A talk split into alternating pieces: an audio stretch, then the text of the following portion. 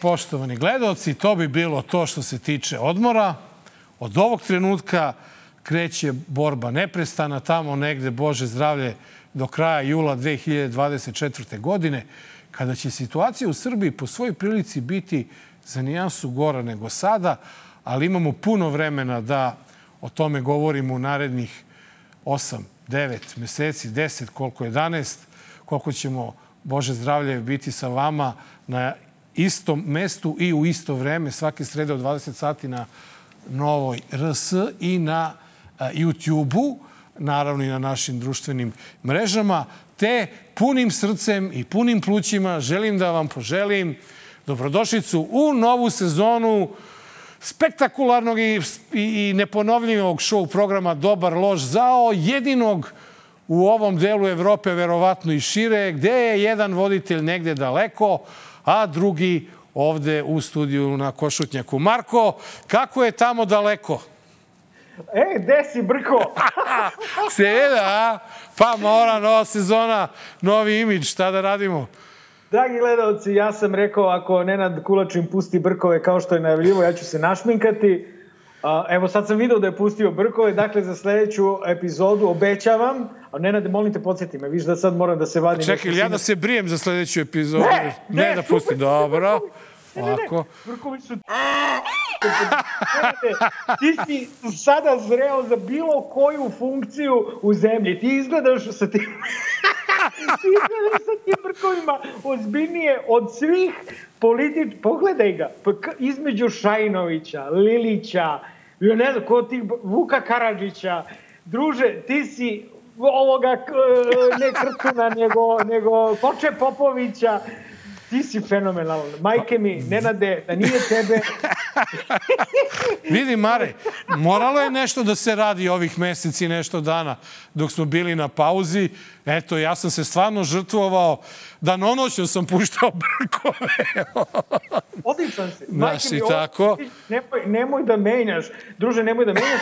Ja to sada, zahvaljujući tome, morate i nešto ružno da gledate, a ne samo lepog Nenada. Ja šminkam za slede... Ne, u stvari vidjet ćete. Kad sam čuo Vuka Jeremića da je i on protiv muškog šminkanja, ja sam se setio New York Dollsa, setio sam se onolikih pankera koji su se toliko šminkali, Jest. na koje su sve ribe moguće padale i zaključio sam Mare, vreme ti je. Tako da, ali čekao sam određeni povod, dakle, Nenadovi Brkovi su super povod za sledeću epizodu Mare, Šminka, Nenad Brkovi i konačno Dobar lozao može da bude, bila gadna godina, Nenade, yes, mislim, gledamo yes, godinu od septembra yes. do septembra, brate, šta se dešavalo od septembra, te jedan relociran, ovaj drugi pod video nadzorom, onda masovna ubistva, onda propali protesti, ovi kreteni, brate, su sve gori i gori, mora nešto da, lepo da bude, tvoji brkovi, moja šminka, naši gledalci. I umeđu vremenu će biti, Bože zdravlje, i ove parade. 9. septembra, tako da... Bože zdravlja, što da nešto fali. Tako ja da taman ćemo biti ovaj, u, u tom tonu i fazonu. Naravno, no, da. ti izbrkoj. E, uh, Mare, ako se slažeš, pošto nas uh, očekuje puno zanimljivih tema u ovoj emisiji, da mi krenemo odmah da se mnogo ne, ne zavitlavamo na, na moju lepotu i na moj fenomenalan novi ovaj, imidž. Da, nikad neće nabiti imidž, ovo biti zauvek do jaja. Nemoj, e, slučajno ono, da si se brio ikad. E, ja sam se stvarno nadao da će početkom septembra se nešto desiti u ovoj zemlji, da će E, ne znam, eto, možda štrajk prosvetnih radnika zbog svega što se dešavalo u ovoj godini i tako dalje. Možda iz pijeteta prema poginuloj deci u, u Ribnikaru i u Mladenovcu i kod Smedereva da će da neko kaže, e, ljudi, dosta je bilo, stvarno, ajmo malo da, da uozbiljimo ovu priču. Međutim, koliko smo videli, ne samo da je ovaj, počela nova školska godina, nego je počela i elita. Povratak u školske klupe posle tragedije. Školska godina počela i za đake ribnikara. Mi kao savjet roditelja u prethodne dva meseca nismo dobili nikakve informacije o procesu unapređenja stanja bezbednosti e, dece u školi i ispred škole. Predsednik Srbije u školama u Batajnici i Loćencu. Bez poruka o bezbednosti đaka. Ćao, Bela.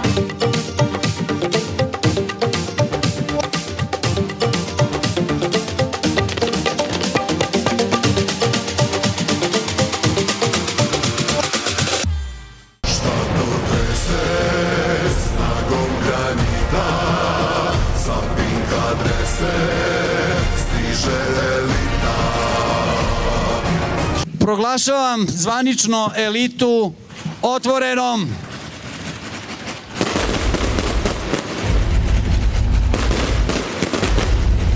Ja bih voljela, ja sam prošle godine bila realna i dala sam je 12 pojena, uh, znači nepristrasno, nije mi se tad ni sviđalo ništa, tako da ona Eto mene vidiš, najlepša. tu informaciju sam zaboravila, Da, da. bravo!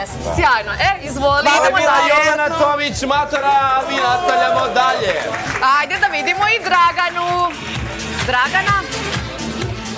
Dragana, izvoli, Dragana, plavuša, visoka, zgodna. Dakle, Dragana, moj najnoviji favorit u emisiji Elita. Ovaj, e, navijam, ne, šalim se, navijam za Matoru kao inače. E, Ne znam da li je tu i Miljana Kulić, to su dva imena koje sam uspeo da zapamtim, pa nisam mogao da zaobiđam, nekako su se provaljivale kroz ovo malo medija što pratim. E, Nenade, a, ja e, nisam ni očekivao da će da se desi bilo šta drugačije, onako kako je leto išlo, kako je prekinuta školska godina, tako i počela. Moramo reći da a, je režim bacio po jednog i po pandura ispred škole, misleći da će a, nekako to da, da, da pomogne. Bio je školski pandur i ispred ili tu negde u blizini Ribnikara kada se desilo masovno ubistvo. Normalno, kada smo videli kako su išli protesti, e, kada smo videli da režim nema nameru da bilo šta od zahteva ispuni, da nema nameru da uradi bilo šta na poboljšanju a, sigurnosti i bezbednosti u zemlji, šta više, kako gleda vesti iz tog ćumeza u kom živite, brate moj, ja vidim da je tamo sve gore i gore. Svaki, vidim da je postao običaj da se vozi ovaj, u suprotnom smeru, Uh, vidim da se svakog dana nekog ubada noževima, onaj se tamo diza u vazduh zato što ovi neće mu plate kiriju. Ovo, vrate, upucavanje, ona rakovica nenormalna, svaki dan neko upucan. Dakle, Srbija ide u nepogrešivo u zid. I onda svi zajedno u tom zidu idete i, i u škole, i, i ti u Šabac, i Šabca i tako. Ajde, ovaj, eh, ti prokomentariši, pa ne znaš da bi radije prokomentarisao elitu, Ovaj, ili, da, ili, ili bi radije prokomentarisao ono kako je počela školska godina. Ako krenemo komentarišemo školsku godinu, ti znaš i sam, pašćemo u bedak i patetiku, pa ti sad razmisli. Da, da, ako krenemo da pričamo, ispašće da zlupotrebljavamo tragediju. Meni samo, eto, mnoge stvari nisu jasne, u ostalom i pisao sam o tome, nema potreba da se ponavljam. A što se tiče elite, men, mene strašno plaši činjenica da mi se čini da je Željko Mitrović i televizija Pink su postali jači od države. Znači, ovo više nije ono kao da su oni sada sarađuju. Da oni sad rade zajedno i rade to što rade.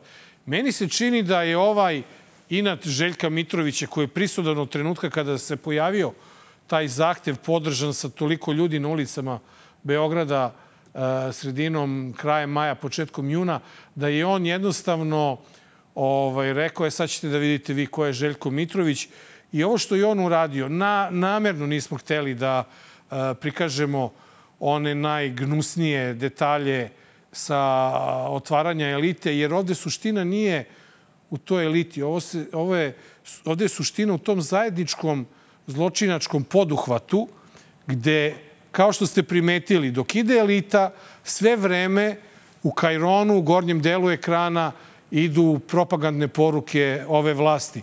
Tako da e, ja se plašim da je situacija u kojoj se mi danas nalazimo mnogo gora nego što je bila e, kada su ove, ovi protesti, kada su se ovi, ove tragedije i protesti desili i mogu samo da kažem neka nam je Bog u pomoći jer e, ne vidim da ovde bilo ko može da bilo šta uradi kako treba. Pa čekaj, nešto da, da, da, te- da te pitam. Ovaj, rekao si da se ne znam šta dešavalo. Pa šta su radili u, ovaj, u toj uvodnoj večeri delite? Su, su govorili na izust ovu azbuku? To, Pa ne, su- Mare, su nego taj sastav. Pesme. Sastav, sastav te ekipe koji Pa je, tu, tu elita je. čoveče. Pa, mislim, znaš, ako, je, ako je to elita, a koliko sam ukapirao, u okviru te elite postoji neka super elita koja će biti smeštena u nekom, ne znam, dvorcu i tako dalje, e, onda, znaš, onda mislim da ova zemlja i mi zajedno sa njom nemamo nikakvu šansu. Tako da... Ja bih tebi, ja bih tebi ipak replicirao. U Izvoli. tom smislu, a, ja mislim da Željko Mitrović nije jači od države, on je deo režima, sastavni deo režima. To šta je on radio, pa možda čak i sastavni deo dela opozicije, mi nemamo više pojma, vrate, znači ono, kakve se sve stvari, kakve sve stvari opozicija priča o opoziciji, dakle, kakvih smo tračeva čuli, ne smemo i da vam kažemo, čekamo da vidimo da će neko da to priča ili će sada ipak ide ovo ujedinjenje, dakle, nemamo pojma. Elem, da. ono što je činjenica, Željko Mitrović je promovisao nešto što je jako opasno umeđu vremenu, to je upotreba veštačke inteligencije u manipulisanju glasom i likom, druže. Znači, od sad, od tog trenutka, ok, on se zajebavao sa Đilasom, sa Marinikom, sa Vukom Jeremićem, pa čak i sa Vučićem, kao, znaš, ono sve to bio jadni i bedni smisao za humor, ali ono što je problem, to je što u buduće na taj način se relativizuje svaki budući snimak sa bilo koje strane, audio ili video, svako će moći da kaže ljudi, to je veštačka inteligencija. Ako neko nekog snimi iz režima, on će moći da kaže, nije to veštačkom inteligencijom su izmanipulisali. Kada bude izašao snimak, Dačića i Miše Banane, audio, ja ti kažem da će Dačić reći, ovo je... Ovo, je, ovo se ovo Željko je, Zeza, ovo se Željko Zeza. Ovo se neko Zeza, ovo je manipulacija veštačkom inteligencijom. Tako da, Nenade, to je opasnost. Država Jest. da hoće, Željko Mitrović bi mogao bude u zatvoru o roku od odma zbog raznoraznih stvari, ali ona naravno to neće i ona uopšte njega ne drži u, u šaci, znaš, nego ja mislim da su oni saučesnici. Zato što je to ista ekipa, s druge strane imamo i uh, Happy, nemojmo zaboraviti i Milomira Marića koji je ipak nekako naravno. au zapećak, zapećak.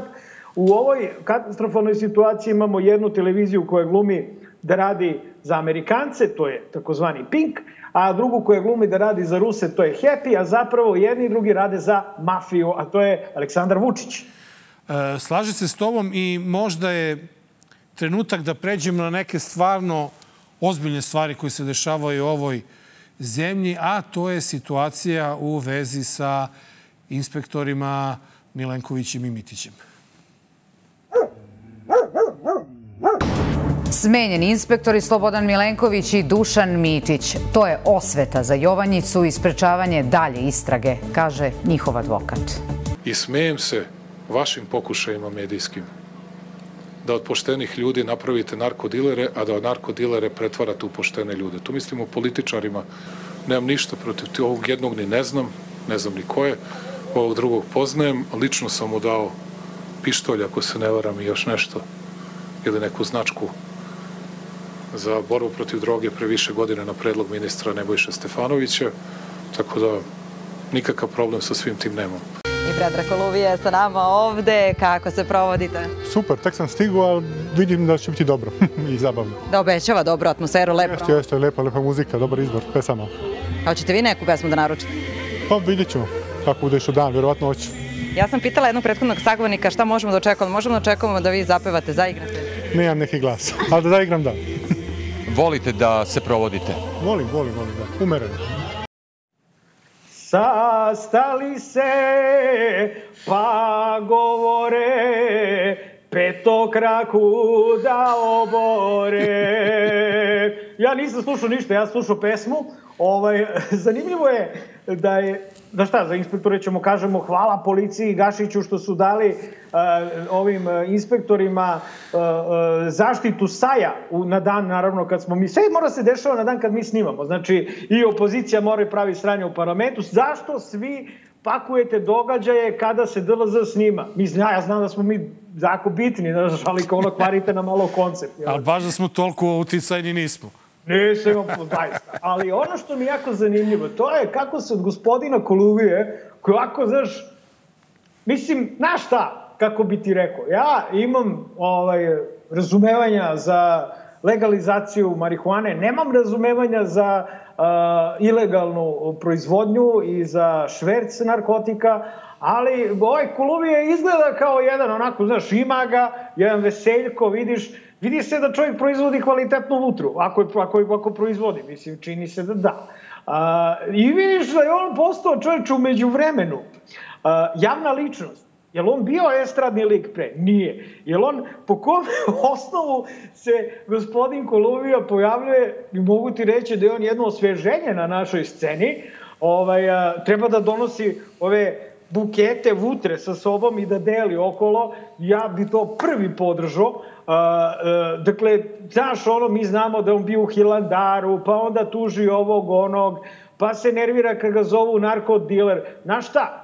I zaista možemo se sporiti kad se kaže vutra, ja ne pomislim na heroin, dakle i postoji određena razlika. Sad to što je u ovoj zemlji, u toj vašoj u stvari u buđavoj zemlji to zakonom zabranjeno, jadan koluviko. Ono što mi isto upalo u oči to je majica. Majica a, s tim što je smisao za humor jadan, kao vidi se da DJV smišlja majicu. Evo, predlažem nešto da, i nadam se gosti, da, da, gosti, evo, da gledaoci, dragi, da ćete se složiti. Aj mi napravimo majicu, DLZ lepo piše, i ispod piše, mi psujemo Vučića i Perića. Šta ti kažeš? Da, da, već smo preduzeli određene korake po tom pitanju. Možda se uskoro Dobro. pojavi DLZ brand na, na tržištu. Ali ja bi ovde vratio, vratio priču na, na, na inspektore. Tokom ove letnje pauze imao sam stvarno priliku da uh, se sretnem s nekim ozbiljnim ljudima na protestima, da razgovaram sa njima i tako dalje.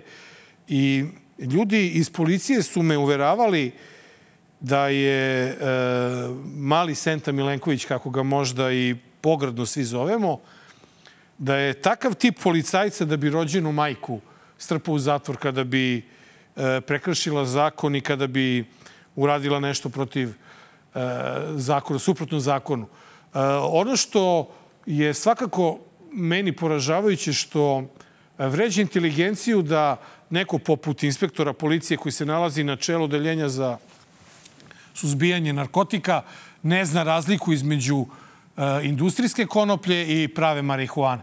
Tako da mislim da je ovo u stvari država država je sad u problemu jer ona ne zna šta da radi sa, sa inspektorima koji su ovo uradili, koji su otkrili Jovanjicu. Ali meni samo nije jasno da ti imaš proces koji je u toku, suđenje za Jovanicu je u toku.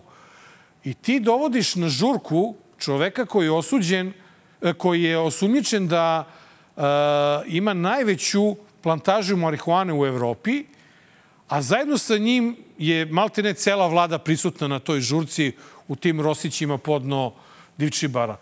To, Marko, govori o karakteru ove vlasti možda više od svih tvojih i mojih izgovorenih reči da se radi o mafiji. Jer e, u svakoj normalnoj zemlji ministar ili ne znam, bilo koji državni funkcioner ne bi se osjećao prijatno da bude na istom mestu sa osobom koja je osumnjičena, optužena i e, koja se nalazi u aktuelnom sudskom procesu za takav vid kriminala. Prema tome, Srbija je zemlja u kojoj je sve moguće, pa tako vidjet ćemo i Magrećen Kutku koji je isto bio tamo.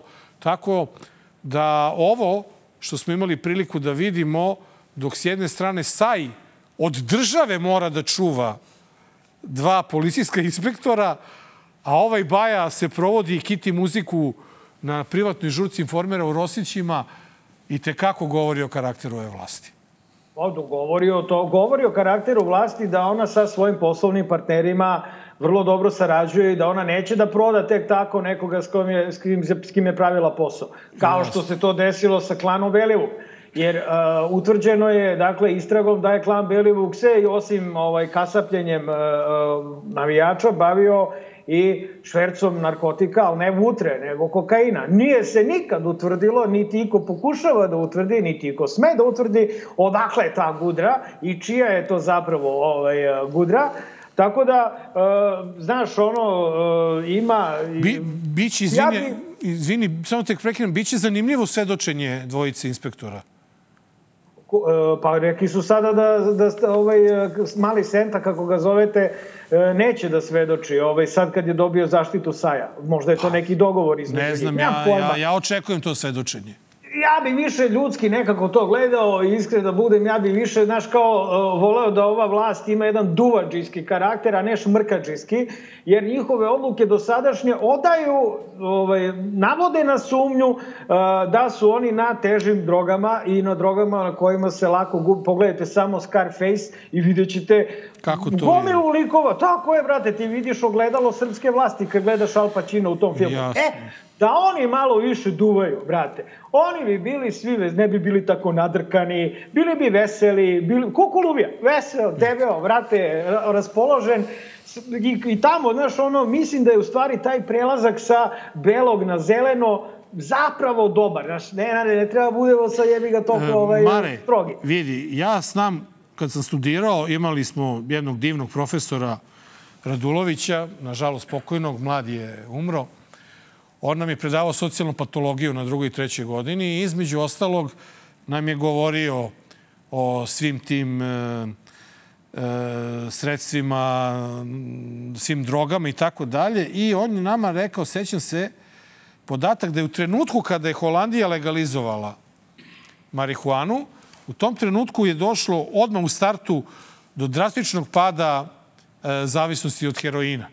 A ja mislim da je Srbija sa ovom vlašću toliko kontra svega da bi legalizacija marihuane verovatno podrazumevala ljude, e, pa da, sad je dozvoljeno i ovo. ovo drugo. Ne, ne. Tako da ne, verujem, ne, ne, ne, ne verujem, veće, sve- ne veće mogu da se uzdam u tu pamet. U tu pamet ne mogu da se uzdam. Nenade, sve je već dozvoljeno, veruj mi. Tamo se, brate, šmrče ono na kile, da neko duva na kile, daj Bože da bude tako, nego to su, bre, sve našmrkana goveda, bre, divljaci. Razumeš, jesi čito đubre? Pa tu se, tu lepo piše kaki su. Šta beše to, izvini? Onaj Roman Klošar. je A, onaj, pisao, a, ali, a. ali, ali ima neki... A, onaj, ko onaj već- što pisao, onaj, kako se na vrkim jezika. Klošar neki. e, Mare, Mare, ti znaš da mi uvek nekako u septembru smo počinjali sezonu u većinu slučajeva neko, ne, ne, ne, nekim kosovskim ciklusom. Pričali smo o Kosovu. Rada Trajković nam je inače bila najčešći gost u prvoj, jer je nekako bilo aktuelno o Kosovu danas više niko ne, ne priča. Međutim, desila se jedna zanimljiva situacija, e, jedna panel diskusija u Sloveniji, tačnije na Bledu, e, gde je došlo do e, veoma civilizovane e, razmene mišljenja između e, premijera e, Srbije, Ane, premijerke Ane Brnabić i premijera Kosova sa zvezdicom, e, Srpske pokrajine i nezavisne države Kosovo, kako god hoćete, e, Albinom. Well, firstly, I have to say that for me, it's one country. There are no two countries. There are not both countries. Uh, Kosovo, as the so-called Republic of Kosovo, is not internationally recognized country. It's not a member of the EU, uh, UN. And yes, obviously, I, I doubt that it will become part of the EU, at, at least until there is a five non- non-recognizers. Support in Kosovo for European Union is 94%. In surveys like 35%. Uh, we have put sanctions against Russian Federation. Serbia is not uh, thinking about it. They didn't distance themselves from uh, from uh, neither from Milosevic nor from Putin. So it's not easy for us. I want to normalize relations, and I would immediately do that. For example, if my neighbor would have been Czech Republic. But uh, normalization of relations with Serbia are much more difficult. It can happen because we need to implement this basic treaty that uh, President of Serbia and myself agreed in Brussels. But uh, normalization in psychology means uh, absence of confusion between reality and fantasy. And uh, that's another register where I cannot uh, contribute, unfortunately. Uh, well, let me say, uh, Mr. Barka, I will talk like this uh, in this uh, segment. Uh, I would like to stress that I'm really satisfied because uh, Serbian, we have two prime ministers and the prime minister of our southern runaway province, Mr. Kurti, is really, how to say, it's not hard to be smarter and more funny than Chale because Chale is operated from the sense of humor, but I am glad that at least one of those two, uh, you know, dominated. So Srbija ima, dragi gledalci... If I, if I can say something. Yes, yes, of Eh. course, please do, please do. I am very happy because I heard Chale how speak very good one language. Yeah, she- it's not she Serbian, very- it's English. It is English. It's English, But I but- am very happy and Chale, Uau! Good job. In, in English, she also has some confusion in her mind between she cannot uh, make difference between EU and U, uh, EU Yes, and yes. UN. You know, but this is Chale. We, we know her and love her exactly why she is stupid and you know not coherent with her thoughts. Mare, But- to je najmanja greška koja je mogla da se desi zamena i u i. Da, da, ovako kad lupeta, brate, ona, ona na srpskom stvarno ne ume da govori, ali na engleskom je dosta koherentna, ali, brate, gospodin Kurti, naš južni premijer, je, brate, ispoklapao samo tako, jer Kurti je ipak, znaš, kao ova je naučila, počela je da govori tek kad je sela u ministarskom fotelju, razumeš, to je određena teškoća. A ovaj, brate, lik je bio bunđija na fakultetu, bio u zatvoru, mora se snalaziš u srpskim zatvorima, znaš kako mora govoriš, brate, znači on govori srpski and English and Albanian, I think that he also sprache Deutsch, sigurno sve, sve, ono znaš kako Albanci sve jezike pričaju, što Pa bi se da, reklo. on i- priča, bre, priči norveški žena mu je norvežanka je. E, there you go, my friend. So, uh, I am I'm really glad that, uh, that uh, mislim, spustio je ga je onako, ovaj, vi- vi- videlo se da je ona otišla tamo ko jagnja na klanje, uh, svi su bili protiv nje jadne, ona je tako bila i na krimskoj konferenciji, znaš da glumi, eh, da statira u kukuruzu, razumeš, i da glumi da je to Srbija bila tamo, a ništa nije htjela da potpiše, ovdje došla da je... Mare, izvini, znaš šta je mnogo zanimljivo? Ona je, u onaj ovih minut, nešto što smo imali priliku da vidimo, ona je, ona se bavila opštim stvarima, razumeš? Ono, ona je tu poput misice, ono, mir u svetu, ozonske rupe u omotaču, a Kurti je došao s argumentima. I Kurti kaže 90%, 95% žitelja Kosova je za Evropsku uniju, kod vas je 35%. Mi smo uveli sankcije Rusije, vi niste. Razumeš ono? Pobio je i to u, u zemlji članici Evropske unije, kapiraš? Mislim, e, sada si ti neki vanzemaljac koji je slučajno došao na tu debatu, pa naravno da bi apludirao ovome što je on rekao, jer ova je govorila o opštim nekim tezama, nekim stvarima koje, kojim govore 11 godina, već kod nas 12 u Srbiji. Tako da, e, ja bi ovo, da sam normalan predsjednik normalne zemlje, ja bi zbog ovog razmatrao čak i smenu premijerke. E, pa dobro, evo, sad će, sad će izbori, pa će smena premijerke, mislim, znaš, ono, to je sam predsjednik kuku rekao. e. izbori, opet je... E, tako, Mare, e, kad si već spomenuo izbore, a evo polako se približavamo prvom kraju, ovaj kraju prvog dela naše emisije, jedna slika, molim Jovanu da nam pusti foto, sliku koja uliva poverenje da će biti sutra bolje. E, A, to je slika sa... Dream team. Da, to je slika sa jučerašnje konferencije za štampu u Skupštini Srbije, gde je opozicija saopštila da e, zahteva parlam, vanredne parlamentarne i vanredne beogradske izbore u decembru mesecu i e, dok to ne bude dobila, ona će da bojkotuje e, sednice Skupštine Srbije. E, Sviđa mi se bojkot kao blokada, u stvari, kao akcija. Međutim, čini mi se da nije urodila plodom jer e, ovaj Orlić je završio posao koji bi trajao u nekom regularnom zasedanju jedno 3-4 dana. On je to završio za sat vremena. Iz, iskulirali su tu viku, dreku i odradili svoj posao. Druže, ovaj, eh, ono što se meni ne sviđa to je što a, par dana pre te blokade a, je, su krenuli tračevi o tome kako će, kako će svi gradonačelnici, predsjednici opština da podnesu ostavke i da je Vučić njima rekao da se spremaju izbori u decembru. Svi smo to znali, a onda je opozicija, čiji je jedan deo, konkretno Lutovac je pričao da nema nikakvih izbora, brate, dok, ovaj, dok se ne ispune svi zahtevi protesta, što po mom mišljenju, odmah se ogradim, nije rešenje, jer onda nikad ne bi opozicija izašla ni na jedne izbore. Izbore, da. Ali, ovaj, Ali što ste rekli to? Onda, pa, brate, znači, ako bismo sada, a nećemo, dogovorili smo se da ih nećemo ukantavati baš toliko, pošto oni sami sebe ukantavaju prilično, treba pozdraviti ovo, jer gledati Čaleta kako srčani i ovog Orliča kako Orliča, kako pravi od sebe mentola i ovoga uh, Bulatovića kako beži. Uh, znaš, lepo je to. Šteta što se to nije desilo odmah, ako ćemo da se podsjetimo, Skupština je radila celo leto. Da. Dakle, oni su ovo mogli da urade odmah, jer su oni, i, znaš, kao i, kao i 2019. kad je ista ova ekipa išla, odlučila da prekine proteste jedan od 5 miliona i odlučila da pregovara sa režimom o izbornim uslovima. To se završilo, podsjetiću, bojkotom izbora 2020.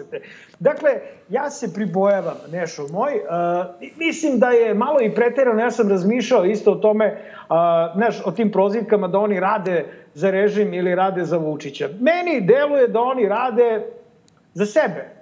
A, problem je u tome što mi se ne čini da oni rade za rušenje ovog režima i da, da ne ponašaju se tako. Ili možda ne umeju prosto da dođu... Ili mare, ili su jednostavno se pomirili da, da ne mogu protiv Vučića. Pa ne, brate, možda su se pomirili sa panažama koje dobiju iz budžeta, razumeš, za, za to što sede u Skupštini. I onda oni odrade svoj deo posla, znaš, tu kao malo se deru, malo marketing, malo, znaš, ono glume neke revolucionare i to, lova kape, a ja ne vidim da su oni sposobni uh, da uh, evo četiri me, možda, možda, evo Nenade, možda su oni ova četiri meseca dok je narod jadan dolazio na proteste jednom nedeljno svaki put, ove, možda su oni radili na terenu, možda su oni išli od sela do sela, od grada do grada, skupljali ljude koji će da paze na biračke kutije, koji će da budu ono posmatrači izbora u njihovi i tako dalje. Ajde da se ne zajebavamo, nisu to radili. Celo leto nisu ništa radili, brate. Znaš šta, znači, Mare, ono što je meni, ono što meni predstavlja vređenje inteligencije, to jeste izjava jučerašnja da e, će oni na izborima da ostvare rezultat koji će omogućiti da se sprovedu zahtevi koji su oni e, stavili početkom maja meseca. Ja nešto, braćo i sestre, u to ne verujem. Ja mislim da će Vučić ponovo da oduva na tim izborima. Za Beograd, daj Bože, da, da neće da da Beogradski izbor. A? Neće da da Beogradske pa, izbore. Pa to, prva stvar, da li će da da Beogradske izbore?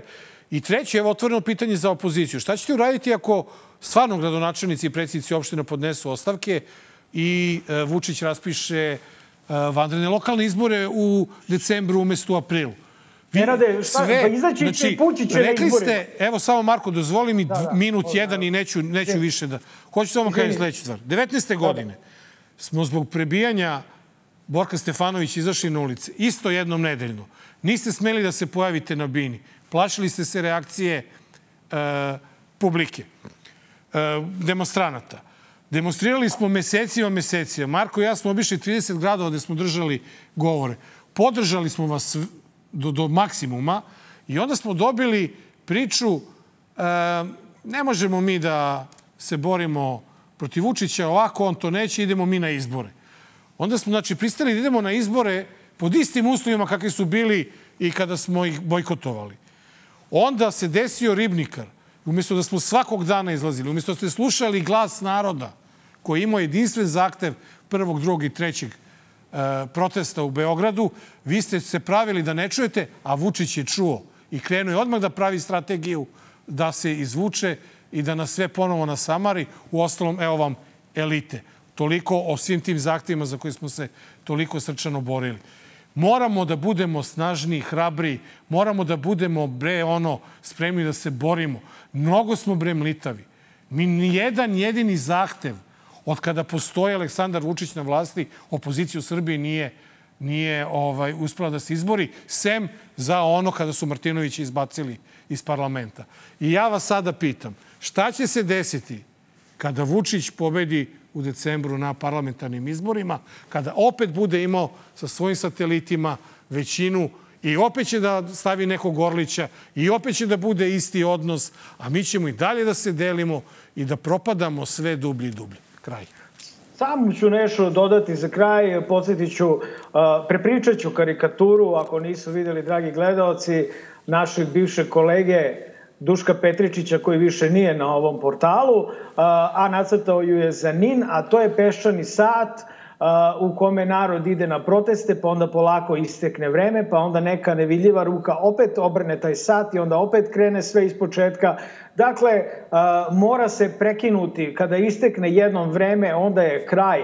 Međutim, mene ova situacija podsjeća i na proteste protiv Beograda na vodi, koje je na svoja pleća preuzeo Ne davimo Beograd i koji ih je bez ikakvog obrazloženja prekinuo, umesto da u jednom trenutku makar povede upravni spor eto, ovaj, protiv tog projekta. Podsjeća me onda na ono, e, e, kako se zvalo, to udaranje u šerpe za vreme ovog... Dnevnika drugog. Policijskog časa, Nenade. Aha, ovaj, aha, za vreme korone, da, izvini. jer ako ćemo da se setimo, to se završilo opet tako što je, ja mislim, opet ne davimo Beograd, a, odnosno danas se to zove Zeleno-levi front, a, rekao, e, sad dosta lupanja od šerpe, idemo sad svi napolje građani da, ovaj, a, da, da, da prekršite policijski čas. Naravno, da to se niko normalno neće odazvati. A, ovi protesti sada, znači imali smo i jedan od 5 miliona, rekao si kako se završio, ovi protesti sada traju već 4 meseca i jezivo je meni kada čujem da posle 4 meseca opozicijani lideri traže i zovu narod na uh, sabornost i na akciju. Pa taj narod je u akciji samo od sebe već četiri meseca i bojim se da ne bude rezultat upravo isti i onda će oni, naš koji su skupljali sad lepo ove poene, jel, sve ove četiri meseca, oni su se pojavljivali kao ovaj, uh, jedini koji se bore protiv vlasti praktično uh, i, i onda će narod da bude kriv. Znači, narod jebi ga, mi smo zvali narod, znaš, ono i narod nije teo da nas sluša. Isto će da bude i na izborima. Mi zvali narod da glasa za nas, narod nije hteo, jebi ga šta radimo. Mi sad Eto, Mare, ja, ja apelujem da izađu pred narod koliko god bilo naroda, koliko god ih neko ono, a im aplodirao ili zviždo, izađite i razgovarajte sa narodom. Nije sramota dobiti zvižduk, nije Nije ni nešto, ne znam, epohalno dobiti aplauz. Samo lepo izađite pred narod. Nemojte da se krijete iza govornika koji ništa ne mogu da urade da bi nama sutra bilo bolje. Vi ste ti koji možete da uradite nešto. I ako pozivate narod na sabornost, ajde se prvo saberite vi i onda lepo se udružite i napravite narodni taj pokret, narodni front, pa onda da pričamo o sabiranju naroda. Ne, nego će, oni će nešto onda sad Tako i kvarimo posao, da. Kvarimo im posao. Kvarimo vam posao. Evo, izvinite, mi nećemo više da kvarimo posao. Mi idemo na uh, kratka, kratku pauzu, na džingl. Uh, pre toga samo da kratko izreklamiramo uh, kao i mi preživele su i novine Nova i novine Danas. Nikada nemojte da zaboravite da su to nacionalna blaga koja se nalaze na našim kiosima, a pouzdano znamo da sve ove novine stižu i tamo gde treba, na radne stolove, deskove mnogih uticajnih ljudi u ovoj zemlji, tako da mogu i oni da vide šta mi mislimo. I Marem, ako mogu da kažem da mi je veliko zadovoljstvo što je uh, u prošlom broju danasa kada sam pisao, uh, pored kolumne koju, koju sam napisao za danas je izašao i tekst našeg uh, današnjeg gosta. To je čovjek prema kome gajim ogromno ogromno poštovanje, tako da, eto, ko bi rekao da ću se naći na istom mestu sa, sa Veranom i drago mi zbog toga. Eto, izvini što sam to morao da kažem. Naravno, da mogu samo da se složim, brate moj. E, a mi idemo na džingl i vraćamo se u studiju. Dobar. Loš. Zao. Dragi gledalci, 268. izdanje Dobar, loš, zao. Kao što znate, u prošloj sezoni dešavalo nam se svašta.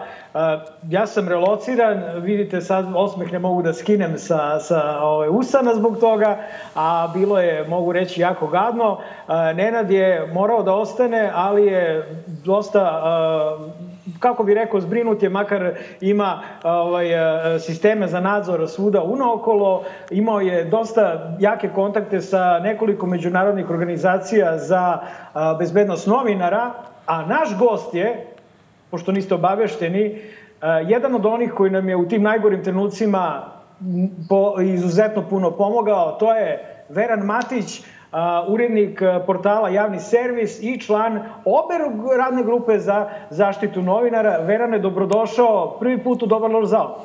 Bolje vas našao, da.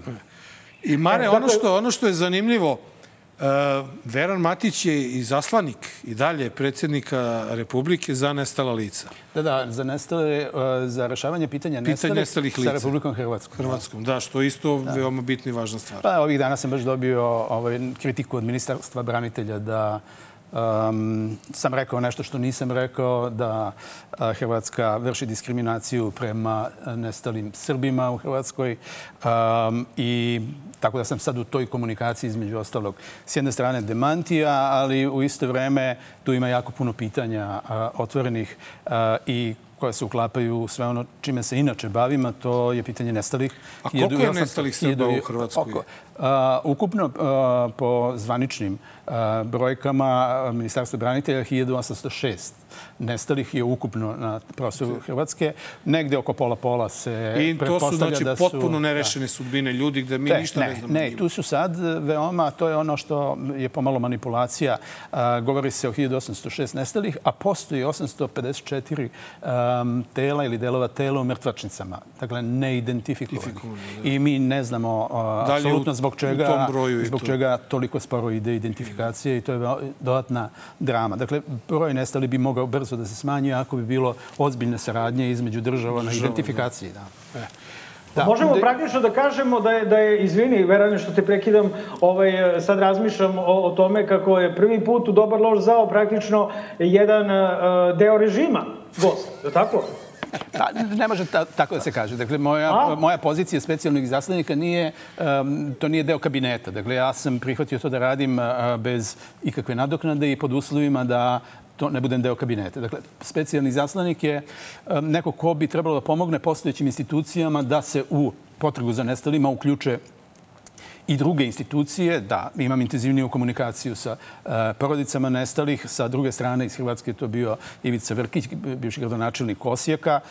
On jednostavno nije dobio mogućnost da se bavi tim poslom, jer uh, hrvatska strana ga nije priznavala institucije, odnosno njihov uh, ured. Onda se on razboleo, tako da sam ja jedan, jedini sada koji je koji... između Zagreba i Beograda, Beograda da. konstantno da. i u Kninu i na svim mestima gde se komemoriraju žrtve e, ovih naših ratova i to je nek, nekakav proces koji je počeo pre jedno tri godine tih zajedničkih komemoracija i daje rezultate. Sad mi je bilo jako drago kad sam bio u Gruborima, e, selo koje je sa 19 kuća e, potpuno ne postoji od 95 oživelo je. Dakle, 10 kuća je obnovljeno od strane države Hrvatske, još 10, 8 se gradi.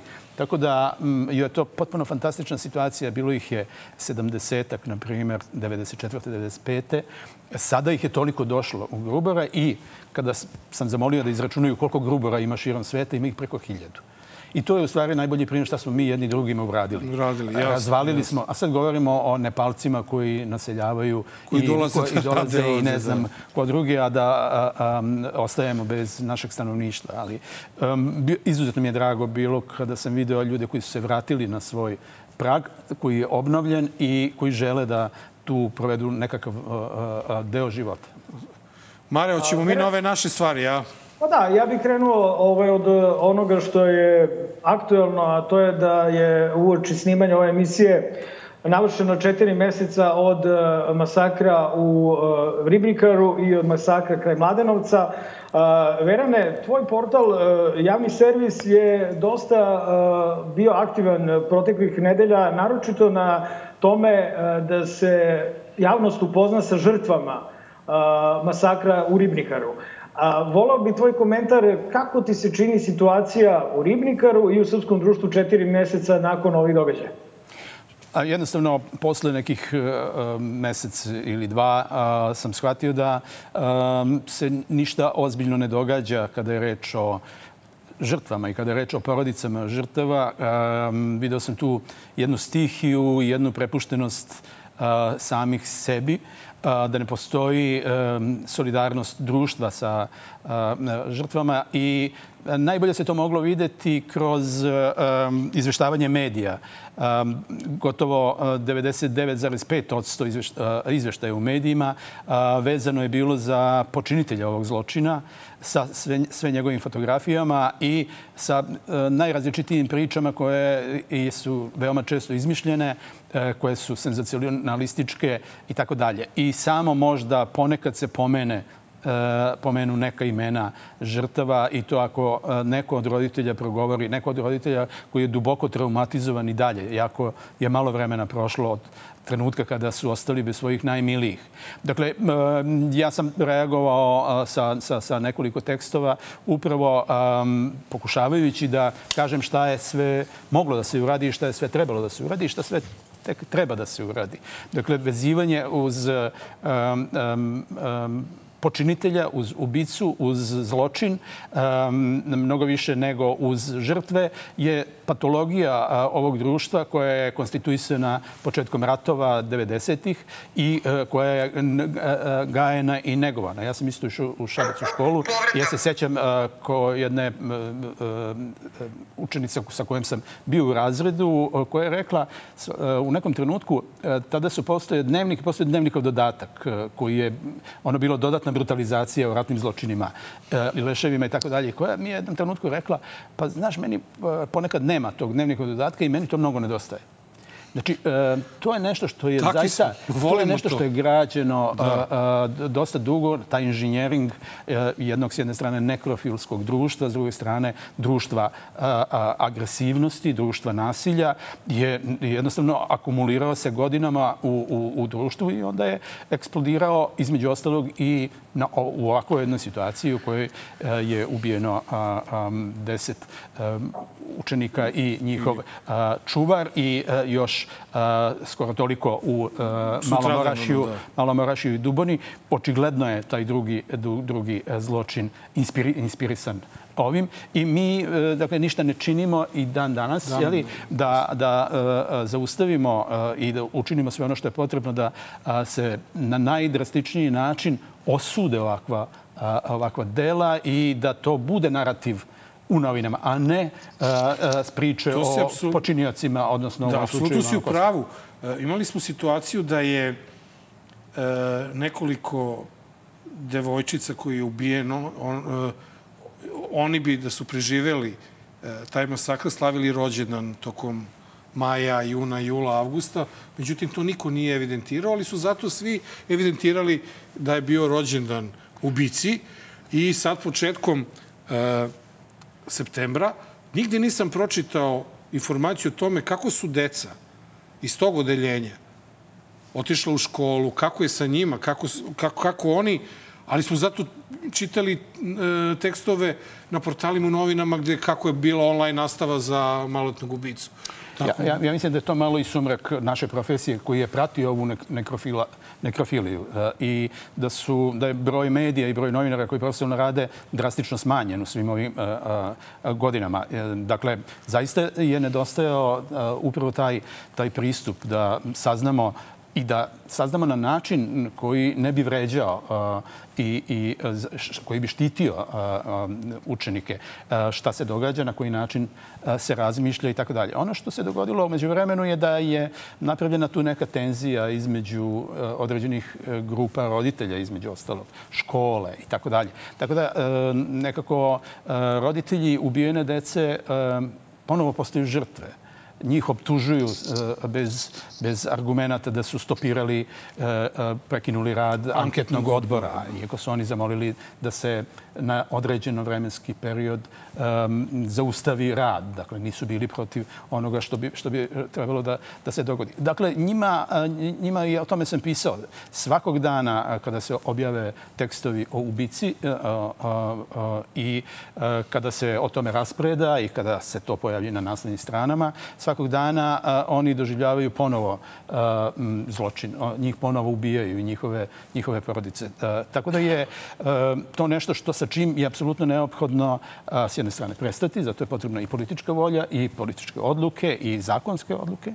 I pričali ste malo pre o opoziciji. Jako bi bilo mislim, ne znam, tako ja zamišljam, da je tokom leta svaki dan su mogli da podižu optužnice protiv određenih medija upravo na ovu temu. Da kršenja zakona o e, informisanju i medijima koje je bilo eklatantno. Dakle, svaki put kada se pojavi slika uh, uh, ubice i uh, kada se tekstovi, dakle, postoje osnovi za tužbu. Dakle, to bi bilo nekako, čini mi se, produktivniji odnos protiv nasilja nego I dokaz da je u redu onaj, nedeljno. Tako, da, da, i dokaz da su pravo kada traže da se Absolutno, da prestanu da. sa radom takvi mediji. Da, dakle, da. isto su to mogli da urade sa zahtevom u Skupštini da se uh, rasformira uh, REM. REM. Oni imaju pravo na to. To je njihova, dakle, uh, apsolutno po zakonu postoji ta mogućnost. Dakle, svi znamo šta bi se dogodilo na kraju. Ali sama rasprava o tome je nešto što, nešto što bi, da... donelo nekakav određeni novi, novu neku određenu vrednost. Tako da, meni je žao bilo što ti protesti nisu imali stalno nekako tu vrstu um, um, operativnog rada. Dakle, da, da se jednom ide da se brišu, ne znam, kreće grafiti ratnih zločinaca. Drugi put oni koji veličaju nasilje. Treći put, ne znam, da, da se čini e, da, da, da, da imamo praktični rezultat e, borbe protiv nasilja. Na ulicu, da. Dakle, tog izlaska na ulicu. Mislim da bi bilo oko toga mnogo e, veće, već, veća količina i ljudi koji bi osjećali se i poistovićivali sa tim i pretpostavljam da bi i rastao broj, broj učesnika. A možda bi se i neko od roditelja ubijene dece na kraju i priključio takvoj akciji koja bi imala direktnu povezano sa zločinom. Pa ono što sad ti si pomenuo rođendane, mislim, to, to je veoma važno. Evo sad o, ovog meseca ima jedan rođendan, jedan rođendan i idućeg meseca imaju dva rođendana.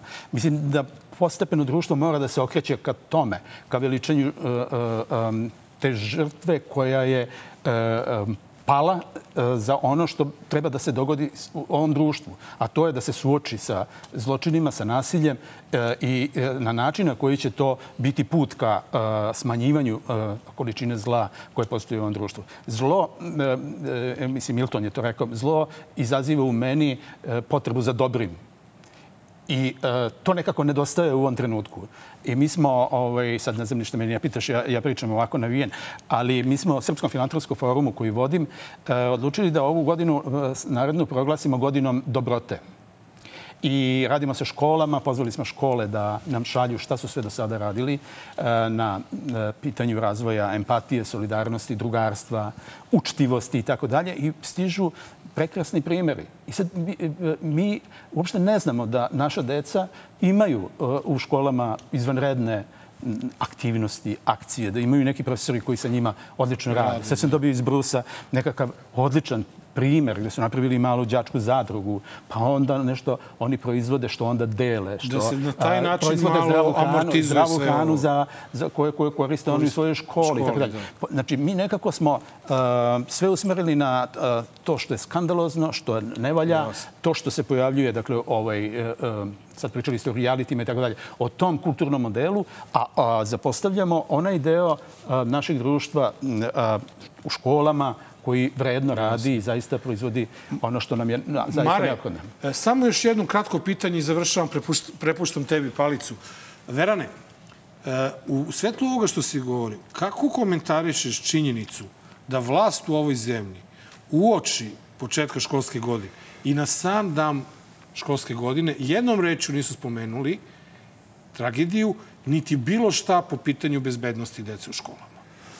Pa meni je to tužno i mislim to e, je apsolutno nedopustivo. Nedopustivo je da niko iz vlasti nije se pojavio u Rimnikaru. I u Duboni i u Malom Orašiju.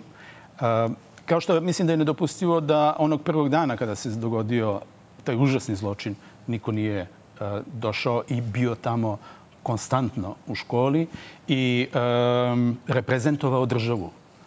E, ja se sećam da ova premijerka Novog Zelanda je otišla među muslimane ubijene u, u, u, u uh, džamiji i um, odlučila da ih samo sluša porodice žrtva. Da, da ništa ne uh, uh, Ali je u isto vreme odlučila da, uh, ništa, da se ništa ne govori ni o zločincu, da ga, da ga se izbriše.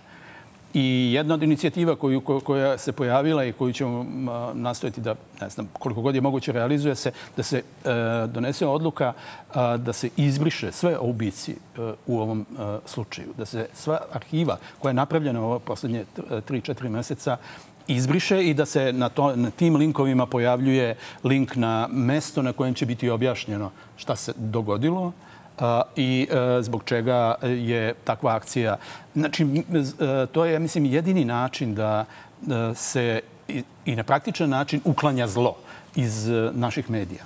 Naravno i da počne da funkcioniše pravni sistem kada je reč o zaštiti e, dece i e, e, u medijima, tako da to proradi. Ja mislim da je liderstvo u ovom slučaju palo u onom trenutku već prvog dana na konferenciji štampu, i da je posle toga se radila kontrola, kontrola štete, štete i da je nekako, ali opet, opet mislim da je ljudski priznati grešku i ispraviti je bez obzira, istrpeti ja znam da su se plašili zviždanja, verovatno, plašili se... Uh, tako dalje. Ali to je nešto što uh, morate da istrpite. Kao što uh, morate da uh, istugujete zajedno i sa roditeljima i da, bez obzira koliko je to teško, da bar malo na sebe preuzmete te tuge i da podelite uh, uh, između um, roditelja i, i vas. Ja u imeniku u telefonu imam uh,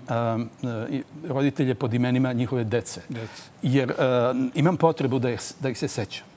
Imam potrebu da mi budu stalno u glavi. To je im problem sa mnom od kad se to desilo. A evo Marko, izvoli, Marko ima pitanje.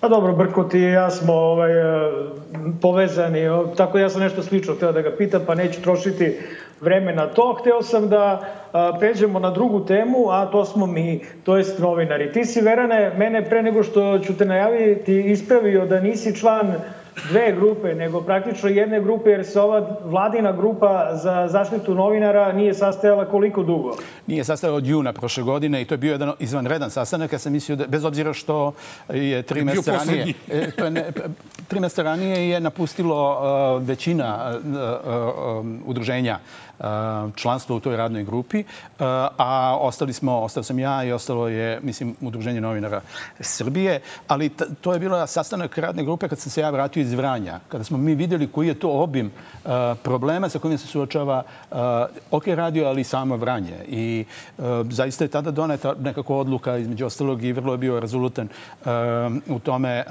Branko Stamenković tada zamenik Republičkog javnog tužioca, član radne grupe, e, pokazujući jednu snažnu želju da se stane na put jednom lokalnom kriminalcu. E, I mi tada smo započeli tu jednu ozbiljnu operaciju. Ali od tada ja stalno govorim da je potrebna ta radna grupa. Ta radna grupa je osnovana da bude kompenzacija, dodatak na onu stalnu radnu grupu za bezbednost novinara koja se bavi nekako analizom već onoga što se dogodilo. Dakle, i rada tužiloštva i rada policije. Ali i ovde je jako važna preventivna uloga. Ovde je jako važno da mi sprečimo da različitim odlukama koje treba doneti, različitim akcijama, da se spreči eskalacije, da se spreči nasilje i, i ovaj, ono što je naj, najgore i najteže u ovakvim situacijama. A onda jednostavno, ne znam, kabinet premijerke odlučio da ne održava više sastanke. Mislim da, da, da je onda, da li su izbori bili, šta je bilo, ne znam. Ne, evo, ja ću, ja ću da kažem šta je bilo. De, bilo je to da se umeđu vremenu situacija malo pogoršala, možda i malo više.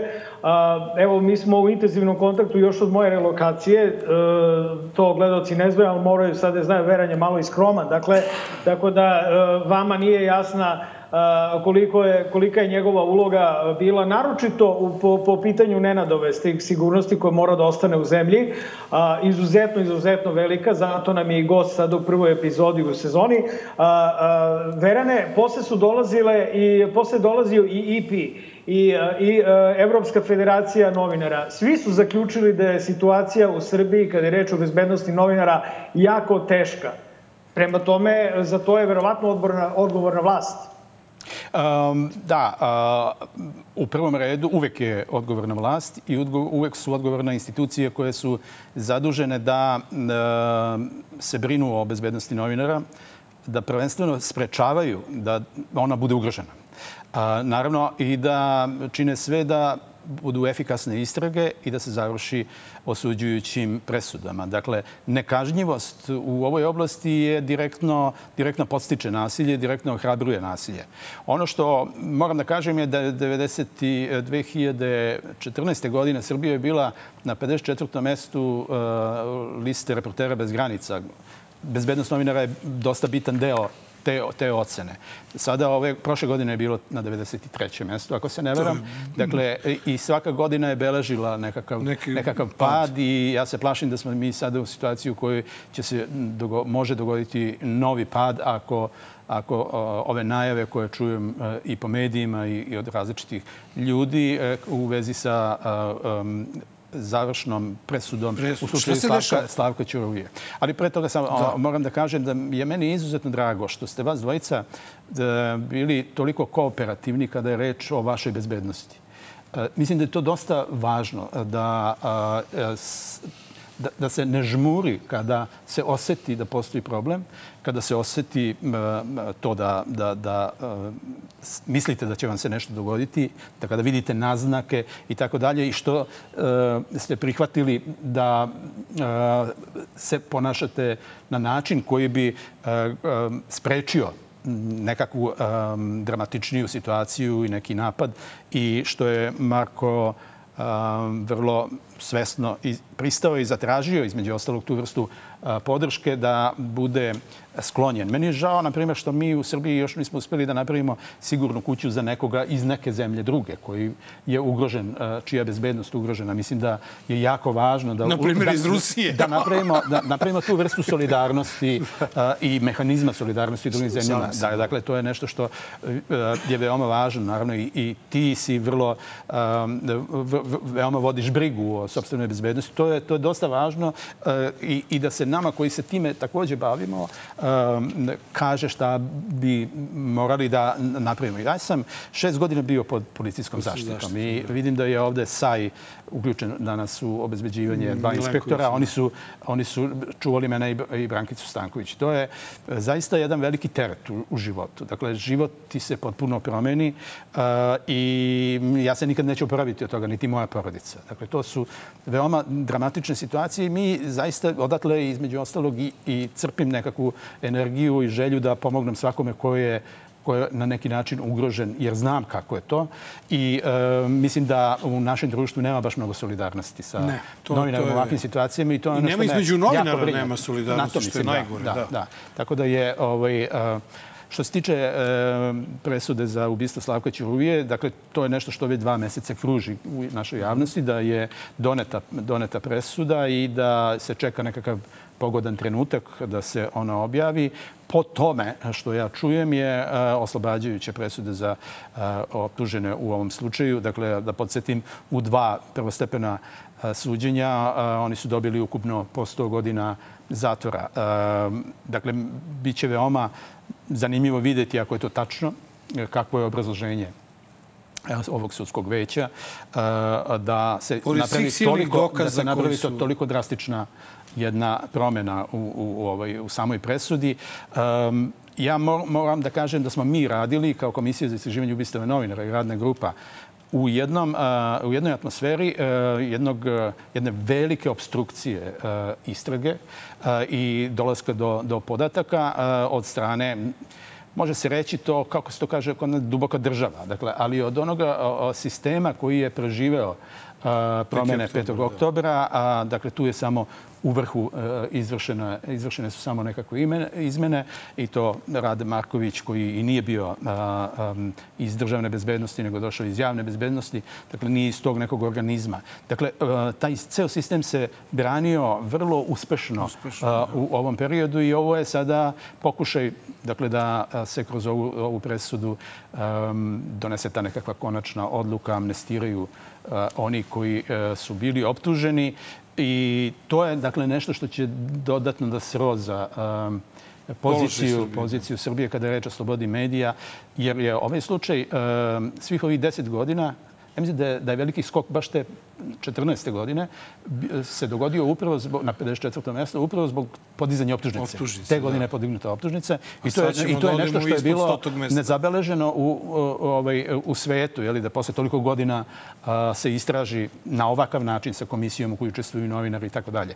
Dakle, sad će to da, da, da ima svoj uh, bumerang uh, efekat i ja se plašim tog efekta koji uh, se tiče između ostalog bezbednosti novinara sada. Kako će se to odraziti na, na ugrožavanje bezbednosti i na uh, ta nekažnjivost na sve novinare, odnosno i u psihičkom smislu. Uh, Dakle, kako će se novinari osjećati kada i pored toga da je neko osuđivan na 100 godina zatvora, bude pušten na slobodu. Pušten na Jer Kakav je to znak? To bi bila konačna presuda, Da, to bi tako? bila konačna presuda protiv koje nema pravne, pravnog leka, odnosno imaju neki, ali se oni ne odnose na, na uh, Ali je optužene. moguće, Verane, da posle svih ovih godina mi dalje nemamo nikakvu informaciju o ubistvu novinara Pantića u Jagodini? I ima, pa, pa mi smo izašli sa tim a, ovaj, kao komisija da, da je policijski e, rešen slučaj. Dakle, inspektor Kecman koji je potpisao optužnicu za u, u, slučaj Ćuruvija, a on je preuzeo posle toga Pantića, ovaj, e, Pantića i on je sa svojim rad, radnom grupom došao do, do, do podataka e, o ubicama e, i o motivu e, ubistva. Jel ima veze to sa državom ili ne? Ima. Ima veze. Da. I um, tu su čak uh, dva egzekutora bili na poligrafu. Jedan nije prošao poligraf i reč je o zaista ozbiljnim uh, kriminalcima. Dakle, um, oni su dobili očigledno nalog. Ono što je u tom slučaju gde smo sada, mi već nekoliko puta smo tražili od tužilaštva za organizovani kriminal da preuzme ovaj slučaj, jer je reč o organizovanom kriminalu, o privatizaciji u okolini Jagodine i konstantno se odbija to. Sada su ponovo uzeli u razmatranje. Ne znamo šta će se sa tim dogoditi, ali ta privatizacija je uh, zaustavljena istraga negde 2010. godine još. Uh, iako, je, iako, posto, iako se pojavio još jedan svedok 2013. koji je svedočio o putu novca, o korupciji uh, uh, i tako dalje, nikoga nije ni saslušao, niti je otvoren ponovo slučaj. Tako da To je uh, jedan, ovako, stalno smo dobijali utisak da je to, između ostalog, eto, to je mali novinar negde u unutrašnjosti Da, Srbije da, da, i tako da. dalje. Iako je to uh, slučaj, da podsjetim, iz juna 2001. godine, dakle, kada nije bio zločinački režim Slobodana Da, Miloševića, da se da. dogodio za vreme demokratskog režima, uh, demokratske vlasti i da ta vlast sa sedam radnih grupa pre nas nije ništa uspela da uradi, odnosno da je više simulirala tu vrstu, tu vrstu istrage. Istrage, da. Kaži, Mari. Pa htio sam uh, da, da pitam Verana, sad mi je zapravo palo na pamet, uh, uh, imamo i novi slučaj, naš kolega i prijatelj Vlada Radosavljević je u januaru stradao na jedan jako bizaran način, a njega su izujedali psi koji su trenirani a, za napad na ljude. A, to je tretirano kao nesrećan slučaj. Kogo se sećam, osoba koja je bila zadužena za te pse je optužena da, da, da, da, ih je, da ih nije sklonila ovaj, tamo gde je trebalo e, i onda se više o tome uopšte nije pričalo. Mi smo postavljali ovde neka pitanja, Nenad je ozbiljno stradao od režimskih medija zato što je pitanja postavljao na malo drugačiji način. Hteo sam, Verane, da te pitam, da li za ovo sve vreme postoje neke naznake da je postojalo, što bi rekli na engleskom, foul play, ili je to zaista bio nesrećan slučaj? Ja, nažalost, nisam se bavio istragom tog slučaja na neki ozbiljniji način. da. Dakle, nije bilo nekakvog um, dokaza ili poziva da se uključimo, ali ti si u pravu da je zaista um, nedopustivo da tek tako prepustimo taj slučaj um, evo, da tako kažem, i Zaboravu, pa da. I zaboravu i evo, raspitaću se i vidjeti da, da. šta je moguće tu. E, pošto, pošto, mislim, imamo malo vremena ovaj, za razgovor kakav smo sve hteli da obavimo sa tobom, e, pa ćemo e, krenuti na pitanje sa Twittera koji je Okay. veoma zanimljivo. Jovana, ja bih te zamolio za pitanje sa Twittera da nam daš. E, Alokin Skywalker pita šta misli o pretvaranju jednog od simbola otpora Milošević u B92 u ono što je danas. Ovo je u stvari, mogu da kažem, jedno paradigmično pitanje. Mislim, kako smo došli od onoga što smo imali kad smo se borili protiv Miloševića do ovoga sada kad se borimo protiv ovoga što nam se dešava? Pa meni je uvek uvek žao što se ne postavi pre toga pitanje kako smo mi došli do jednog takvog medija kako je bio B92, potpuno jedinstven u svetu. I ja sam zaista ponosan što sam jedno 15. godina vodio mediji u kojem je postojala, neću kažem, apsolutna sloboda, ali postoja izuzetno visok stepen slobode za novinare, ali i za sve koji su Što radili... mogu da potvrdim. Za sve koji su radili u, u, u B92 od kulturnog centra preko izdavaštva, a, CD produkcije i tako dalje. Dakle, to je nešto što je a, jedinstven primjer u svetu i um, mogao je da se dogodi samo u nekim, eto, tako okolnostima u kojima smo mi, mi postojali i zaista smo napravili čudo i hoću kažem da i dan danas ogroman broj novinara koji su radili, koji su i medijski radnika, kažem, i kamermana i tako dalje, uh, ima mm, neizbrisivo sećanje na taj period u kojem smo radili. Ono što se dogodilo umeđu vremenu je dogodilo se zahvaljujući opet između ostalog i vlastima. Uh, Pominjali ste Željka Mitrovića ovde u nekom, nekom periodu. Znači, Željko Mitrović je drugog dana, posle 5. oktobra, došao kod mene u kancelariju da mi kaže da ima viška frekvenciju za nas koji nemamo frekvenciju, da ima jedan studio koji bi eto, on dao i tako dalje, da nam bude lakše i tako da smo sad svi zajedno smo uspeli nešto da uradimo i tako dalje. Ja sam doživio nervni slom tada i sad vi ste se ovde pitali kao šta će on u buduće raditi. Dakle, on će uspeti da, da, da funkcioniše u svakom, jer, se, jer su se svi oslonili na njega. Na njega, dakle, i da. naše, pa oni pobednici posle eh, eh, 5. oktobra su se oslonili na te usluge. Vrlo brzo se prihvati ta vrsta komoditeta i... Um, Da, da li misliš da, da grešim kada sam postavio pitanje u prvom delu emisije da je Željko Mitrović možda na putu da postane jači od države?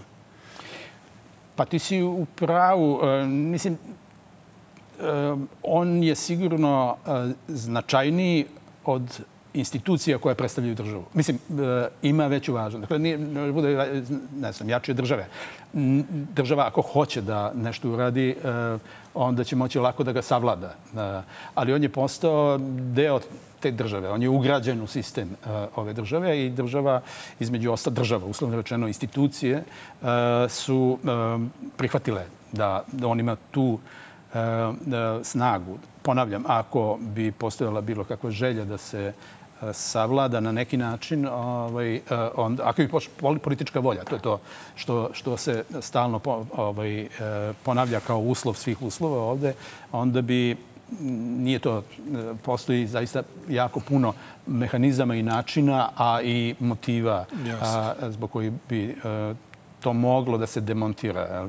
Ali, Veoma efikasno. Ali, ali su, da, ali su, očigledno je a, sa svim tim što radi a, neophodan. Dakle, i to je nekako... Ja sam e, razmišljao šta je bilo u glavi onima koji su tražili da se prekine, da oni Nastave budu da zabranjeni. Da, da. Dakle, to je nekako ne, neodrživ zahtev. Ja mislim da zahtevi uglavnom bi trebalo da budu ostvarivi jel? i da se pravi pritisak takav tako da se dimenzionira se ostvari. Znači, ovde je bilo nekoliko a, ovaj, tako zahteva koji su bili koji su neostvarivi. Mislim to uvek je to ugrađena greška. Ti ti onda možda radiš kako hoćeš i samo ćeš proizvoditi određenu vrstu nezadovoljstva neuspehom. Jasno. Tako da um, eto to je sad da se ne mešamo u taj. Mara, izvoli. A samo bih vratio ovaj, Verana na pitanje sa Twittera, to je da prokomentariše kao jedan od e, ota, otaca B92, kako komentariše svoje čedo danas. Pa vi, ti znaš da je tu e, promenjeno bilo ime. Uh, u Da, bio je trenutku. O2 nešto. O, da, da, Da. da. tako da je to što je sad vraćeno um, ime B92, to je opet neka taktika i um, ne znam šta vam kažem, mislim, to je protiv onoga što je bio B92 kada je osnovan i kada sam ga napustio. Tako da um, to je takođe deo uh, um, um, mehanizma vladanja u ovoj državi. Tako da žao mi je što nismo uspeli da razvijamo B92, ali uh, od 5. oktobra je sve rađeno protiv uh, razvoja B92. Sećate se da je stavljen um, moratorijum na frekvencije Dakle, dozvoljeno je Pinku da se širi i dalje, a B92 nije mogao ni da postigne um, pokrivanje Beograda, tako da to nekoliko godina. Mislim da je Boris Tadić bio ministar za telekom, savjezni ministar za telekomunikacije tada. I čitav niz nekih drugih aktivnosti koje su posle sledili. Dakle, nikome se nije sviđala ta vrsta a, nezavisnosti i kritike i objektivnosti koje smo imali i, i nastradali smo na, kraju, na kraju. Dakle, to, nije, to je bilo praktično osuđeno na jedan takav kraj. Imali smo mogućnost da E, savladamo te sve prepreke negde 2008-2009. godine, ali nas je ta Bila velika ekonomska kriza. ekonomska kriza uhvatila u um, kako raskoraku. Baš tad kad sam ja bio na B9. Da, mi smo tad kupili ovaj, i Ligu šampiona. I, Jeste, ne znam, bilo je to i, i znam, onda, onda je i došla dalje, ovaj i onda je... info kanal je krenuo i onda smo svi nadrljali malo manje više. Ali, uh, hoću samo da kažem kako je to bilo nekada ako imamo vremena, a mislim da ćemo ovaj, uspeti. E, bilo je i tada poziva telefonom. Ja sećam, uređivo sam vesti onom uveče i sad jedan kabinet traži da njegov ministar bude prvi u vesti, onda zove drugi kabinet pa kaže i ja onda rekao, znate šta, imate vi Veranov broj, pa zovite Verana, ja ne mogu da slušam vas, ja ću da poslušam Verana, a onda sam ja dobio poruku od urednika uradi kako ti misliš da treba što mnogo znači kada, da, kada znači, čovjek ima poverenje u svoje ljude koje rade, ako uradi kako ne treba, bit će predmet razgovora i analiza, ako uradi kako treba, nikakav problem, ali je mnogo važno da smo mi imali e, tu vrstu e, slobode i zaštite i meni je najveća opasnost rada na B92 bilo u slučaju da ne nagazim ove, tvoje kuće i rep. Da, da, da. ono, eto, to je jedini strah koji smo mi imali kao urednici i novinari. Ovaj, idemo... Ono, ono što, ne, ne, sam ja ne, ne, generalno ponosan je da se sa puno, puno puta se, svakog dana se veoma često nisam slagao sa svojim urednicima i sa svojim da. Novinarima u političkom smislu i na neki drugi način. Ali to Nastojao išlo. sam da u nekako debatom um, dođemo do najboljeg uh, sadržaja. Jel? Ali uh, ako su imali bolje argumente, ja sam i dalje ostao, ali sam dozvoljavao i da, ide, da kako ide program. Da. Dobro, Mare, idemo uh, na Magareći kutak. Hteo sam da ga ja najavim, pošto kad ajde, privatizujemo ajde. emisiju, da onda ja, pošto se nama očigledno prepleću putevi svima, uh, hteo sam ja da napomenem da, uh, dragi gledalci, dragi moji čitaoci, a, ja ne bi bio ovo što jesam da nije bilo sam izdata B92 u kojoj sam posle tri romana u Narodnoj knjizi prešao sa romanom Kanđe. Veran je bio i tada glavni odgovorni urednik, urednica je bila pokojna Tanja Petrović. I, iskreno rečeno, ne, ne znam da, da nisam lansiran u orbitu zahvaljujući a, 92. 2004. Verovatno ne bi bio ni ovde gde sam što ne znam koliko je u stvari dobro. Prelazimo na Magareći kutak. ali, do, ali dobro, je što, dalje. dobro je što to kažeš. Malo da. ljudi koji su nešto Umeto, slično da. doživeli kao ti u B92, um, to i kaže. Uh, I hvala ti na tome. Hvala Idemo u Magareći kutak.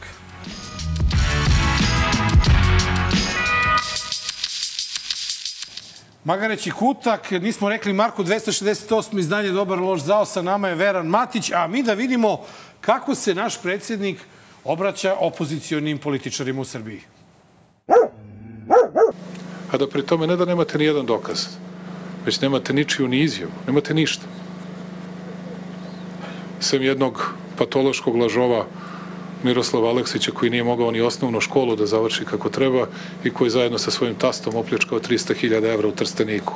Mučani Trstenik, kako ga je on ojadio i opljačkao za to vreme i čoveka koji je izgubio na sudu ali nije rekao ni izvinite, niti bilo šta drugo. Šta da radite? Ali to govorio, u koliko ujutro je tome govorio? U 8 ili 9 ujutro? Ili malo kasnije? Da znam je li bio trezan ili nije. I sad će meni Ćuta ili Aleksić da govore da će oni da se bore protiv trgovaca ili proizvođača opijata, narkotika i tako dalje, a mi tobož smo s njima. Jeste li vi ozbiljni? Kakav je ovo govor? pa uobičajen, uobičajen, Vučićev govor, da. Dakle, Misliš, što taj Aleksić nije uhapšen ako, ako je pokrao 300.000 evra? Mislim, to, to on sam sebe zakopava, ali ja, to nema ja, ko da ukapira. Ja mislim da, da je ta reakcija uh, između ostalog Aleksića i ostalih ovde, dakle, jako, jako važna. Dakle, apsolutno je neophodno za svaki slučaj tužiti, -hmm. od svega napraviti određenu vrstu uspešnijeg PR-a, pokušati, ja znam da na suđenjima a, pitanje, pitanje je šta bi se dogodilo, ali vi morate da učinite sve što... Ostaviš trag. a, da ostaviš trag, da. A, ako ste samo na verbalnom, verbalnim optužbama, onda to je bukvalno za dva sata nova, nove, nove ovakve priče će da sve to pokriju. Ja mislim da je to nedopustiv rečnik i veoma često takav rečnik prelazi a, granice i postaje a, govor mržnje E, i e, on stvara određenu vrstu potencijala da se dogodi e, nešto što je mnogo ozbiljnije od verbalnog a, tako da, mislim, o tome treba voditi račune. To je, a, a, tu se agregira određena količina nasilja koja se kasnije reflektuje na ovaj ili onaj način. Ne mora da bude direktno povezana, ali jednostavno to je nešto što, čega bi se ja jako, jako čuvao i stvarao neku određenu vrstu kulture da je to nedopustiv nedopustiva komunikacija u političkoj Jasno. komunikaciji. Mar... Volao bih da podsjetim ovaj, da je upravo predsjednik, da smo najviše preti smrću dobili posle nastupa predsjednika u hit shitu a, 2021. pošto sam ga opsovao u ovom podcastu, a, kada je rekao da bi se njegov sin obračunao sa mnom, odnosno sa nama, ali eto ne može jer ima obezbeđenje. Tako da, je, tako da smo dobili praktično poziv na linč sa nacionalne frekvencije. Ali, Mare, da, da pitamo Verana kako gleda, apropo ovoga, kako se on obraća opoziciji, kako gleda na ovu najnoviju odluku opozicije da blokira Skupštinu dok se ne izbori za vanredne parlamentarne i beogradske izbore. Ja, okay. ali moram samo da se vratimo ovde. Mislim da je psovka i tvoja isto bila neprimerena. Dakle, nije... Ja i, tak, i, i to osuđujem, mislim to a, nepotrebno i treba se toga čuvati. E, ako si I treba se toga čuvati bez obzira da li je to Ja sam podcast se, ili ne znam šta. ovaj, Izvinio ja sam rekao, ne, ne, ja sam se majici predsjednik izvinio u smislu da bih ga drugačije opsovao u drugom trenutku. E, vi, kada me god su me pitali da li bi vratio točak unazad i to ponovio, ja bih rekao da ne bi. A, mislim da ne bi ponovio. Dakle, svakako, jer sam ja najviše zbog toga A, ali e, prosto šta je ova emisija, ništa se ne briše, a, cenzuriše se, verovatno se ovo sad što sam rekao cenzurisalo, jer tak, na takav način je a, konačno produkcija izašla sa mnom na kraj. Mislim, ono, to je zaista stvar ukusa, ali jedno je psovka, a drugo je kada pozivaš na linč onoga ko je psovao sa nacionalne frekvencije, pritom si predsednik. A šta sam ja? Ja sam pisac i voditelj podcasta i kolumnista. Dakle, okej. Okay. Ne, ne, slažem, slažem se i to je zaista opasno. A, To smo a, primetili, registrovali u brojnim slučajevima da se da usledi niz a, pretnji ovaj koje koje pa to to ste vi doživljavali no, a, više najviše puta jel da tako kažem a, kada se pojavi tako, takva optužba na, na, Nacionalnoj nacionalnoj- da. na bilo kojoj frekvenciji od predstavnika a, zvaničnih institucija. Tako da, Da. A ovo što se tiče opozicije, ovo... E, Pa mislim da ste vi dosta, dosta vi- mislim da ste vi savršeno iskritikovali da. ovaj, e, opoziciju. Ne znam, ja, ne, e, kada se ulazi u bilo kakvu akciju, e, ja, jako je važno da znate koji će ishod toga biti. Kako ćete vi da se izvučete iz toga u nekom trenutku? Kako ćete vi da kažete u nekom trenutku, eto sad mi izlazimo iz toga jer smo dobili ovo Misliš ili da je ovo izlazna strategija? Ne, ne, ne, mislim da je, a, um, ne znam da li ste to vi rekli, da je to ovako ad hoc nekakva Neka akcija, nekakva akcija, da. impulsivna Kao i u- ili, ili uostalom, a, masa ne, neosmišljena i bez tog izlaza. Kažemo, ok, sad ćemo da to radimo toliko dana, a onda ćemo raditi to, to i to, i tako dalje. Dakle, to je nekako, ne znam, a, prilično neozbiljno. A, između ostalog, tim, kao i svim ovim neuspešnim demonstracijama, gubi se, kao, kao da se usisava energija i prazni nekako prostor. I vi stalno dođete u nekakvu situaciju da, da odjednom nestane e, nekakva energija, ne znate zbog čega se Ali je to prostor dogodilo. ostao. Ali to vam je isto kao sa ovim tabloidima i sa pričom o malom ubici. E, vi sa tom pre- preteranom, pregrejanom pričom, senzacionalističkom, potpuno isisavate empatiju i ljude, Jasno, ljude činite potpuno bezosećajnim za ono... Nezainteresovanim i- za ono što da, se dešava. Da, tako da je to u, užasna, užasna šteta. Veran, ja ne znam da li si imao priliku da vidiš, da upoznaš i da čuješ, ali evo, konačno smo dobili tu priliku da e, čujemo glas Zagorke Dolovac.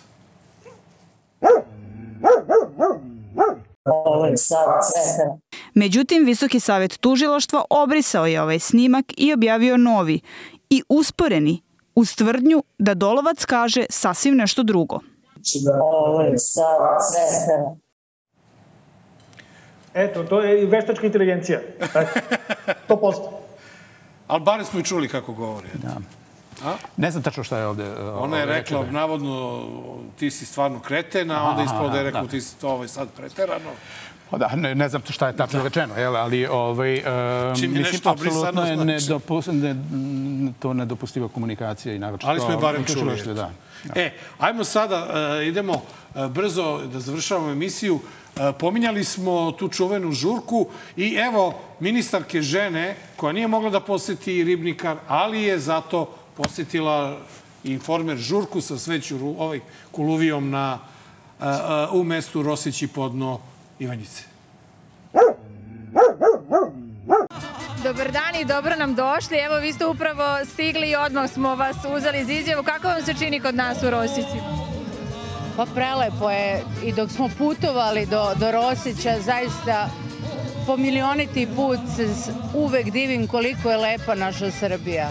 I o, ovde je zaista prelepo i kad vidimo ovako divnog sveta, nasmajanog sveta, zaista sve čestitke informeru što nas je okupio na ovako jedan divan način.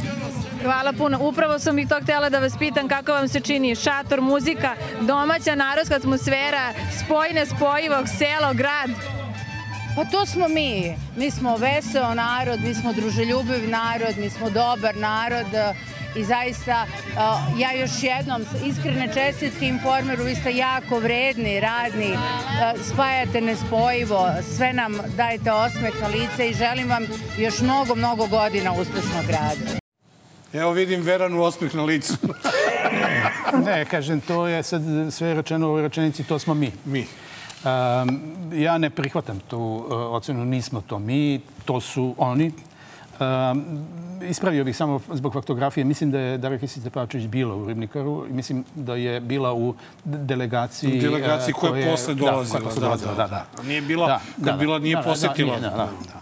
Ovaj, ne znam šta da kažem. Mislim, šta, kako komentarisati Pa, informer ovo više vredi od bilo i kojih reči I taj komentara. miks i tog koluviju i uh, Jasno. optuženog za, za dakle, nešto što je zaista uh, jedan od najvećih prekršaja koji u, u, u poslednjih ne znam Verane, koliko godina. hvala ti puno što si Hvala bio u. DLZ. Trebalo je ovaj, stvarno velika zahvalnost što si da. ovaj, došao. Mare, A, dragi gledalci, bilo je ovo 268. izdanje. Verane, hvala ti puno. A, što se nas tiče, videli ste i sami, nastavljamo tamo da smo stali na isti način na koji smo a, radili sve ove godine i tako ćemo pričiti dok god ovaj podcast, odnosno ova emisija postoji. Na vama je, moram da kažem da je prošla sezona, dakle od kad sam relociran, bila najgledanija u istoriji Dobar loš zao, dakle dobro nam ide svima zajedno. Vas bih zamolio da podelite ovu epizodu ako vam se sviđa na društvenim mrežama, jer znate i sami da ovakve emisije nema nadaleko. A, vidimo sledeće srede u isto vreme, 8 sati uveče istovremeno na Nova RS i YouTube-u.